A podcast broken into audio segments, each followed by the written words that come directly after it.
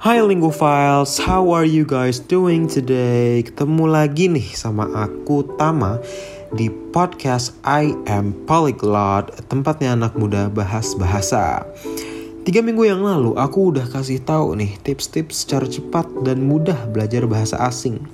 Nah, sekarang gimana nih perkembangan kalian belajar bahasa asing? Semoga semuanya berjalan dengan baik ya. Kalau kalian menemukan kesulitan dan halangan dalam belajar, itu hal yang sangat sangat sangat biasa. Tenang aja, gak usah panik, karena kali ini aku mau bahas tentang kesulitan yang biasa dialami dalam belajar bahasa Inggris dan cara mengatasinya. Let's go! Jadi, according to Fluent U English Indonesian, Kesulitan pertama yang dialami adalah kosakata atau vocabulary dalam bahasa Inggris yang memiliki banyak makna. Contohnya kata date yang memiliki arti tanggal dan kencan. Kata can yang memiliki arti bisa dan kaleng. Kata mine yang memiliki arti milikku dan tambang. Orang yang baru belajar bahasa Inggris pasti bingung kan dengan hal yang satu ini. Untuk itu solusinya adalah kalian bisa mengartikan atau menerjemahkan kata-kata yang memiliki banyak makna ke dalam bahasa Indonesia tetapi ya, tetapi harus sesuai dengan konteksnya. Contoh nih.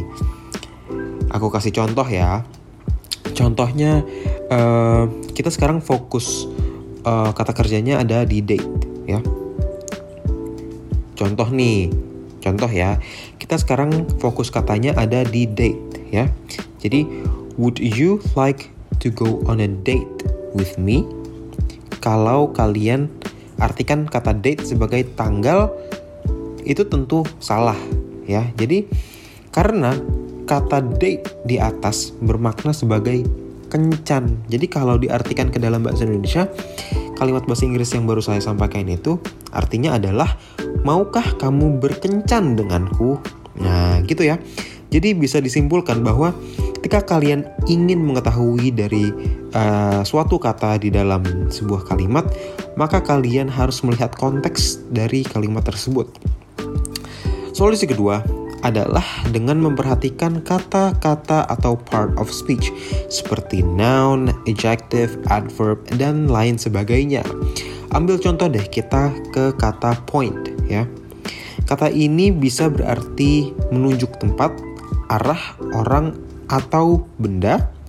Dan yang kedua bisa diartikan sebagai menunjuk uh, ujung tajam suatu benda. Jadi yang menunjuk tempat, arah, orang atau benda itu menunjuknya itu kata kerjanya dan uh, suatu benda yang tajam itu nounnya ya. Jadi untuk lebih jelasnya lagi nih, jadi aku mau kasih contoh lagi. Yang pertama ada kalimat Can you point to the exit? I can't find it. Nah, kata point ini digunakan sebagai verb atau kata kerja sehingga kita bisa menyimpulkan bahwa definisi yang pertama berlaku di sini.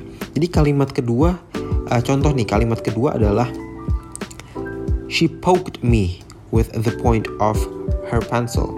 Kata point di dalam kalimat ini berfungsi sebagai noun, sehingga yang berlaku adalah definisi kedua. Ya, jadi gitu ya.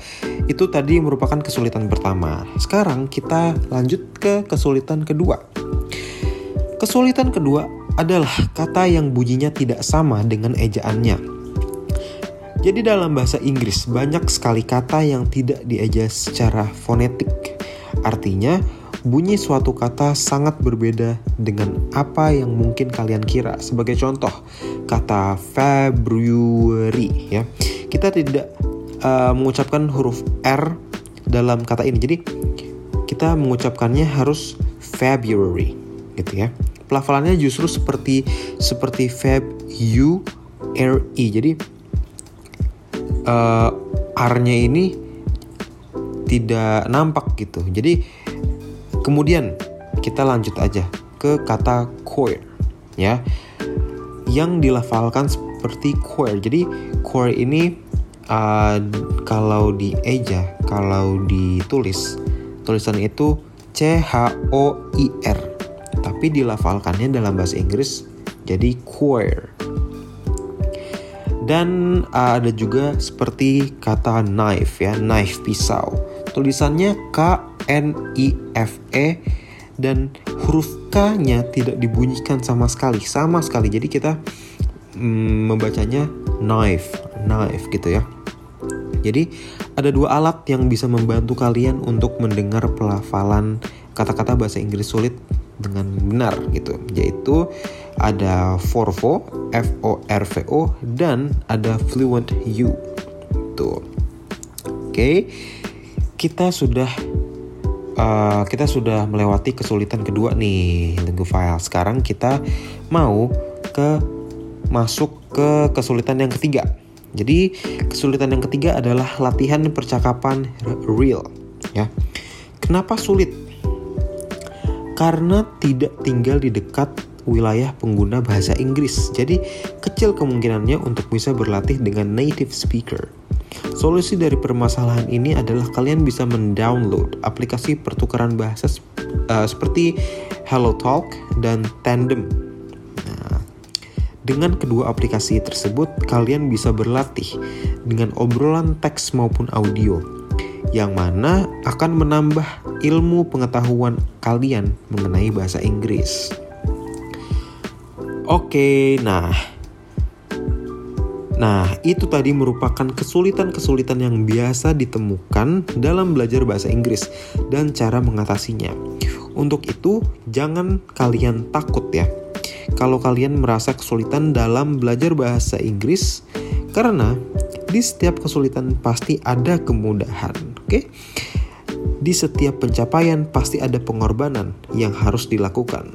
Jadi, kalian harus tetap semangat belajar bahasa bareng kita dengan cara pantengin terus podcast I am polyglot dan follow Instagram kita di at I am underscore polyglot.id karena kita akan membahas banyak hal seputar bahasa yang pastinya menarik banget. Oke deh, I think uh, I will call it a day. Sampai jumpa lagi di episode selanjutnya sama aku Tama di podcast I Am Polyglot. Tempatnya anak muda bahas bahasa. Bye.